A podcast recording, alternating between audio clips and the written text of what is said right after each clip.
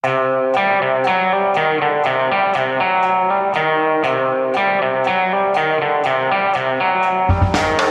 er det lørdag, og for andre gang i verdenshistorien så lager vi podkast her på lørdager. For annen gang i verdenshistorien er det også da jeg, Anne Kjever, som skal ha en lørdagsprat med VGs eh, tegner Roar Hagen. Og når vi har gjort det to ganger, Roar, da er det i ferd med å bli tradisjon? da? Ja, det er nå etablert nå som en ny tradisjon. Da er vi parhestene nå, vi, du og meg, på lørdagen. ikke sant. ikke sant. Hvordan går det med deg borte i Du, Stavanger? det går nå helt fint. Det er noe isolasjon her som ellers. Ja, Må prøve å finne en rytme i dagen med vanlige gjøremål og frokost og trim og tur og mat osv. Og så kjærkomne møter med mine kolleger på, ja. på eh, videokonferanse. Vi skal til og med ha ettermiddagspils eh, klokka, klokka halv fem i dag eh, med avdelingen. Ja, det, det blir hyggelig. Det er et høydepunkt. Men du, ja, eh, du jo Du har jo et annet hjem som da ligger i Stavanger, og du var der litt tilfeldig da, da teppet gikk ned. Fikk du med deg alle greiene dine, eller eh, Eller eh, savner du, savner du prylårna? Fikk jo Jeg hadde jo ikke da profetisk kraft nok til å ta med meg PC-en, så jeg tenkte jeg skulle klare meg med iPad og iPhone og, og slike ting. Så det fungerer jo utmerket. Men eh, det er jo klart du blir jo frossen med de tinga du har med deg, da. Og, og, og må klare seg med det. Når vi, vi prater sammen nå, så, så ser vi hverandre via, via eh, sånn Google Meet, og så tar vi opp lyden hver på hvert hold med, med iPhonen, og så mailer vi det til Magne Antonsen, som, som syr det sammen til slutt. Det er jo helt fantastisk, altså. Eh, Jeg trodde jo aldri jeg skulle kunne lære meg å operere slike nymotens greier, men det funker veldig godt. Og ungdommen på jobben har lært meg å bruke dette her, og jeg er jo veldig takknemlig for, for han som eh, kom med ideen eh, eh, til å begynne med. Og, og så jeg er veldig glad for dette, og det gjør det jo mulig å kommunisere med andre venner og familie osv. også. Fantastisk. Ok, jeg tenkte vi skulle, skulle starte der med, med den nye normalen og det nye hjemmelivet. I eh, forrige uke så hadde du en tegning av et uh, par som satt og koste seg ganske godt i en uh, saccosekk av et uh, koronavirus. Uh, nå, nå begynner eh, karanteneproblemene å kicke inn, ser jeg. Er det, er det samme paret som står på badet her og, og sliter med litt problemer? Ja, du, du vet at nå er det jo nå er det jo kommet så langt på fjorden at uh, frisyrene begynner å, å rope på frisør, ikke sant? og folk skal farge håret, og folk skal eh, klippe seg osv. Og, og, og uh, kroppene våre som, som da er, eh, er vant til uh, regelmessige besøk på helsestudio, må klare seg sjøl. Og Det kan vi jo gjøre med forskjellige strikk og løping og, og gåing og slike ting, men det er klart det er jo en veldig krise på det kroppslige, dette her. Ja. Du ser dette paret, de, er, de begynner å få litt saccosekk-form sjøl, og, og tyngdepunktet legger seg eh, lenger ned, og hun savner sin frisør, og han savner helsestudioet sitt. Ja, det går nå den veien, vet du. Forfallet, det, det tar nå sitt grep, og, og, og nå er det forfallsreduserende tiltak også i karantene. Det vi eh, prata mye om forrige helg, var jo din bruk av symboler, og, og hvordan tegnere eh, bruker symboler på å eh, forklare store, komplekse ting. Altså, det, har du en arketyp eller en figur, eller, altså, og, og det mest klassiske for deg er jo da eh, denne figuren Dunk, som pleide å representere alle oss eh, nordmenn. Ja, og så har du i, i denne sammenhengen har du altså brukt eh, Den svarte svanen. ja, den er jo helt perfekt som eh, symbol på den situasjonen vi står inne i. Og det er jo forfatteren Taleb som lanserte dette som, en, som et begrep for uh, ukjente sjokkerende hendelser. Og han nevner jo som eksempel oppfinnelsen av den personlige datamaskinen, PC-en. Første verdenskrig. Eh, 11. september-angrepet i New York osv. Altså det er dette som kommer inn og endrer historien uten at vi klarte å forutse det. Og som ikke nødvendigvis trenger å være negativt, da, i og med at PC-en og sånn regner, han, regner jeg vel med at han mener er en positiv ting. Absolutt positiv. Eh, så det trenger ikke å være pest eller slikt, men det, det er altså det ukjente, uventa faktoren som eh, til alle tider har overraska og overrumpla mennesker. Og gjør at vi må gire om og tilpasse oss tilværelsen på nytt. Nå er vi inne i en sånn situasjon. Forrige uke så uh, brukte du som eksempel på hvordan Theodor Kirtelsen, veldig kjent norsk tegner, i sin tid uh, illustrerte historien om svartedauden i Norge, og så brukte han en sånn gammel kjerring med soplime som symbolet på, på, pesta som kommer og liksom feier død uh, over landet. Og det, det, var en som hadde hørt på, som sa at han skulle gjerne sett, sett bilde av det, så nå legger jeg ut Eh, legger jeg ut eh, det på Facebook-siden vår, hvor man altså kan gå inn og se alle eh, tegningene som vi, vi snakker, om, snakker, om, her i, i denne podkasten. Var, var, du på en måte bevisst den pesta-bruken da du satte i gang å bruke Den svarte svanen? Ja, altså Kittelsen har jo alltid stått som en inspirasjon for meg. Og det, det han gjorde, var jo Ettersom han ikke levde i samtid, så brukte han eh, et, eh, et eget symbol. Da. Han utvikla et, eh, et, mytisk symbol da,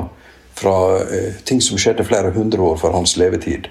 Og Det, det gjorde han i forbindelse med eh, reetableringen av Norge som nasjon på slutten av 1800-tallet og fram mot eh, 1905 osv. Hvor, hvor den norske historien skulle få en, en ny form. Så bruker han dette, og svartedauden var jo en, en skjellsettende hendelse som, som eh, passet godt for en slik skikkelse som Pester, og som kommer med sopelim og, og river alt dette som hvor mange som skal dø på tunet. Vi ser jo da Den svarte svanen i, i tegningene dine her, eh, som altså ligger på Gjever og gjengens eh, Facebook-side. Uh, vi ser Svarte svanen møter verdenslederne Putin, Trump og Xi fra Kina. den flyr over Dovre hvor det står to moskuser og sier 'enig og tro til Dovre faller'? Ja, det var jo i forbindelse med at vi forsøkte å stenge Norge da, ved Dovre. Og, og liksom skape en, en, slags nasjonal splittelse. Det kan jo hende det var fornuftig akkurat der og da for å forsinke utbredelsen i Nord-Norge. Og ser jo at Finland har gjort det samme nå. Men, men eh, det var jo da å, å peke på eh, at enheten i landet var trua av denne pandemien. Så er det en annen tegning som jeg synes er en av de aller enkleste du har laget i uka som gikk, men som også er, er veldig effektiv. Da ser vi uh, Erna hopper i fallskjerm, den har ikke foldet seg ut ennå. Uh, men det står 'Made in China' på fallskjermen, og det er en svart svane som passerer i bakgrunnen. Det er vel situasjonen litt i et nøtteskall? Ja. Eh, inspirasjonen til den kom jo i forbindelse med Jeg gjorde en tegning til en innsender som heter eh, Berit Sofie, som skriver om eh, forsyningssituasjonen på medisin. Og eh, nå er det jo slik at vi har lagt vår medikamentelle framtid i hendene på Kina. Og, så det er jo kinesiske produkter og preparater som skal redde oss. Det var jo hensikten da med å, å la Erna få, få bruke fallskjermen 'Made in China'. Ja, Hvor avhengighet av, eh, av, Kina, rett og slett? Nettopp. Min, min, eh, tanke der er å bruke det som en, en oppvåkner, altså. At, det, at, vi må forstå at det er det vi har Det er den situasjonen vi befinner oss i. Vi ser også det er en egen tegning hvor, hvor Erna har klart å, klart å, borde den svarte svanen og sitter på ryggen eller klemmer, klamrer hun seg til magen, det er jeg ikke helt sikker på. Som en eh, Nils Holgersson eh, svever over norske fjell og boreplattformer? Ja, må jo prøve Erna, da. Og har jo min største sympati. Og så tøyle denne kraften som er over oss, og som som gjør at alle land og alle statsledere må prøve altså, å styre situasjonen og lede sine land inn i en framtid. Det er en veldig vanskelig oppgave. for å håpe Erna lykkes. Ja. Men du, det store som har skjedd i, i, gjennom de som eh, følger, eh, følger, hele denne situasjonen gjennom dine tegninger, det er jo at du har introdusert en ny figur, altså en ny figur for deg, men eh, en som er eh, Eh, eh, også en gammel, jeg vil si nærmest arketyp. Og det er en sånn fugleaktig mann. Ser, kan se tegningene av han, eh, eller henne. Eh, leder alle verdenslederne. Eh, ligger på, på sotteseng på norsk økonomi. Eh, og er i det hele tatt redusert til en maske, men, men noen nordmenns Folkehelsedirektoratet og og, nei, Folkehelseinstituttet og Helsedirektoratet som vasker hender og sånn. en sånn fugleaktig maske. Hvem er dette? Ja, Dette er jo pestdoktoren som, som uh, var et vanlig syn i europeiske byer fra 1500-tallet og utover. Det er da en person i svart kappe og svart hatt med et påknytta nebb. eh, som mange vil kjenne igjen når du ser det fra historiebøker osv. Det var en, en pestdoktor som ble henta inn for å løse opp i krisa i, i, i, i europeiske byer, altså storbyer etter datidens målestokk. Som, eh, som, hadde da fylt nebbet med, med velduftende urt og slike ting, så han ikke skulle kjenne lukta av lik da i for stor grad. Og, denne personen ble jo da tillagt egenskaper som skulle kunne løse eh, krisa. og, og å helbrede. Det var selvfølgelig bare en projeksjon. Og utfallet var ofte at, eh, at eh, pestdoktoren da døde, selv om han ble rik under pesten.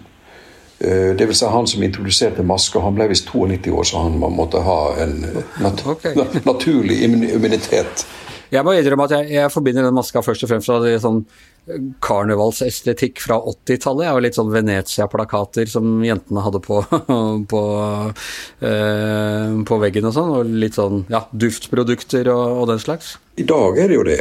Eh, karnevalsstaffasje. Men den gangen var det jo ytterst alvorlig. Når denne personen kom gående gjennom gatene med en stav hvor han da pekte hit og dit. Og, og det var jo da en, en varsler om både død og kanskje overlevelse for den som var heldig og fikk hjelp fra denne eh, personen, som selvfølgelig var en kvakksalver. Ja. Men eh, spørsmålet er jo i dag om vi Hvem er dagens pestdoktorer i økonomien og i helse osv.? Det er jo stor usikkerhet hvordan vi skal løse denne. Eller i media? I, me i media. I media er det jo mange pestdoktorer ja, pestdoktor her. ja, da, som tar på seg rollen for å, å vise vei i mørket, men altså helt uten kvalifikasjoner. ikke sant? Jeg ser pestdoktoren her er ayatollahene i Iran? Ja, eh, ja, de får jo også hilse på pestdoktoren nå. Eh, og Som hjemsøker jo egentlig alle land. Eh, og, og knytter oss sammen med historien generasjoner som har levd før oss og måtte takle og håndtere dette. Du introduserte ham altså denne, denne, uka, nå har han gått igjen på i hvert fall fire tegninger, eh, tror jeg. Når var det du kom på ham? Og hvordan kom du på ham? Jeg, jeg bruker jo alltid, når det oppstår et tema, å altså assosiere flest mulig relaterte eh, hendelser eller ting eller gjenstander osv. Så, videre, så kommer jo dette opp i min, eh, mine personlige arkiver. Og tenkte den er fin, den skal jeg bruke. Og den knytter oss an til den europeiske historien. Så vi blir liksom nærmere eh, svartedauden nå og pestene på 1600- og 1700-tallet. De store farsottene som gikk i Oslo, og Kristiania, Bergen osv. Skarlagensfeber og kolera og alt mulig. Så på en måte så bringer det oss nærmere våre forfedre. Uh den svarte svanen og pestdoktoren de har ikke møtt hverandre ennå? Nei, men vi må nå få det til. Ja. Altså, Det er jo slektninger. Så det er jo i familie. ja. Og konkurrenter. og konkurrenter, ja. Har du, noen, uh, har du, noen, nye ideer på gang? Altså nye sånne symbolfigurer uh, som du har tenkt å presentere for oss neste uke? Det kan jo hende, da, men uh, tenker nå at det går an å bruke disse en stund til, så lenge trykket er så stort og usikkerheten er så stor. Så kan vi bruke det som eh, sammenknyttende motiv for å samle fortellingen min, da. Eh, og, og eh, ja Kanskje kommer det andre symboler. Jeg skal tenke litt på det. Men det er jo ofte teatralske virkemidler som kan, kan fungere. Da, som å å løfte fram essensen i en sak. Eh, nebbet er jo veldig teatralsk. Og eh, en slags rekvisitt som blir hentet fram når, eh, når det pesten ankommer våre samfunn. Du tegner jo til vanlig veldig mye norske politikere. Nå er det bare Erna, tror jeg, du har tegna de siste to ukene. Savner du norsk politikk og de norske politikerne? Savner det på samme måte som jeg savner hverdagen min. Å kunne gå på treningsstudio og kunne gå på kafé og kunne ikke sant, uh, ta Nesoddbåten eller hva som helst. Så savner jeg jo våre politikere i den forstand. Uh, at det er liksom en hverdag som ble tatt fra oss. Men jeg, jeg, må jo si at det er jo fantastisk å få lov å være i en, i en svart svane-hendelse i løpet av livet og i løpet av karrieren som vi er midt i nå. Og Det setter jo hele livet og virksomheten vår i et, i et nytt og større lys. da. Og det er jo eh, nesten litt kinkig tema å snakke om, men for oss som jobber med journalistikk og i nyhetsmedier, så altså, det virker jo på meg som du suger inspirasjon uh, av dette. Du har liksom utviklet en helt ny ikonografi i løpet av uh, et par uker. Det gir deg helt nye innfallsvinkler til å belyse ting som du alltid har vært opptatt av, men, men uh, fra helt uh, nye punkter. Det ligger en inspirasjon i en sånn krise for en tegner, gjør det ikke? Veldig stor grad gjør det. Og skammer meg heller ikke over det, for jeg er også nødt til å være denne virkeligheten uh, med min jobb. Og jeg er jo så heldig å ha mitt redaksjonelle fellesskap på konferansene som vi har to ganger om dagen på video. Men jeg har også som ambisjon når jeg jobber i et stort medium som VG, da, å få være med og, og lage hendelsene noe mer forståelig. Knytte oss til historien. Sette ting i perspektiv. Eh, få være med og både bli opplyst og opplyse osv. Så, videre. så jeg føler meg som en organisk del av hendelsene. Vi er kanskje litt pestdoktor, både du og jeg er? Det er vel det. Det er jo bare nebbet som mangler. og Det, kan jo hende, kan hende at jeg må Det kan vi jo skaffe. ja, det kan vi skaffe. Så ja da. Vi, vi er jo det. Vi setter i gang med pappmasjé nå. Hei. ja. Jeg vil ikke ta på meg rollen som doktor, altså. Men som skildrer eh, og kronikør ville jo både du og meg eh, kunne ja på et vis kalle oss. da. Ja, yeah, spennende, Roar. Det blir eh, Gå inn på eh, Giæver og gjengens Facebook-side og se alle de tegningene vi har snakket om. Der legger jeg altså inn et bilde av Pesta til Kittelsen. Uh, med det er Giæver og gjengen, som da altså besto av Roar Hagen i dag, uh, over. Uh, I hvert vårt hjemmestudio Anders Giæver, Roar Hagen og vår pestdoktorprodusent et eller annet annet sted i verden, Magne Antonsen. I morgen er det en ny podkast. Da skal jeg snakke med Tone Sofie Aglen og Hanne Skartvedt om denne uka i norsk politikk. Inntil da, på gjensyn og ha en god helg.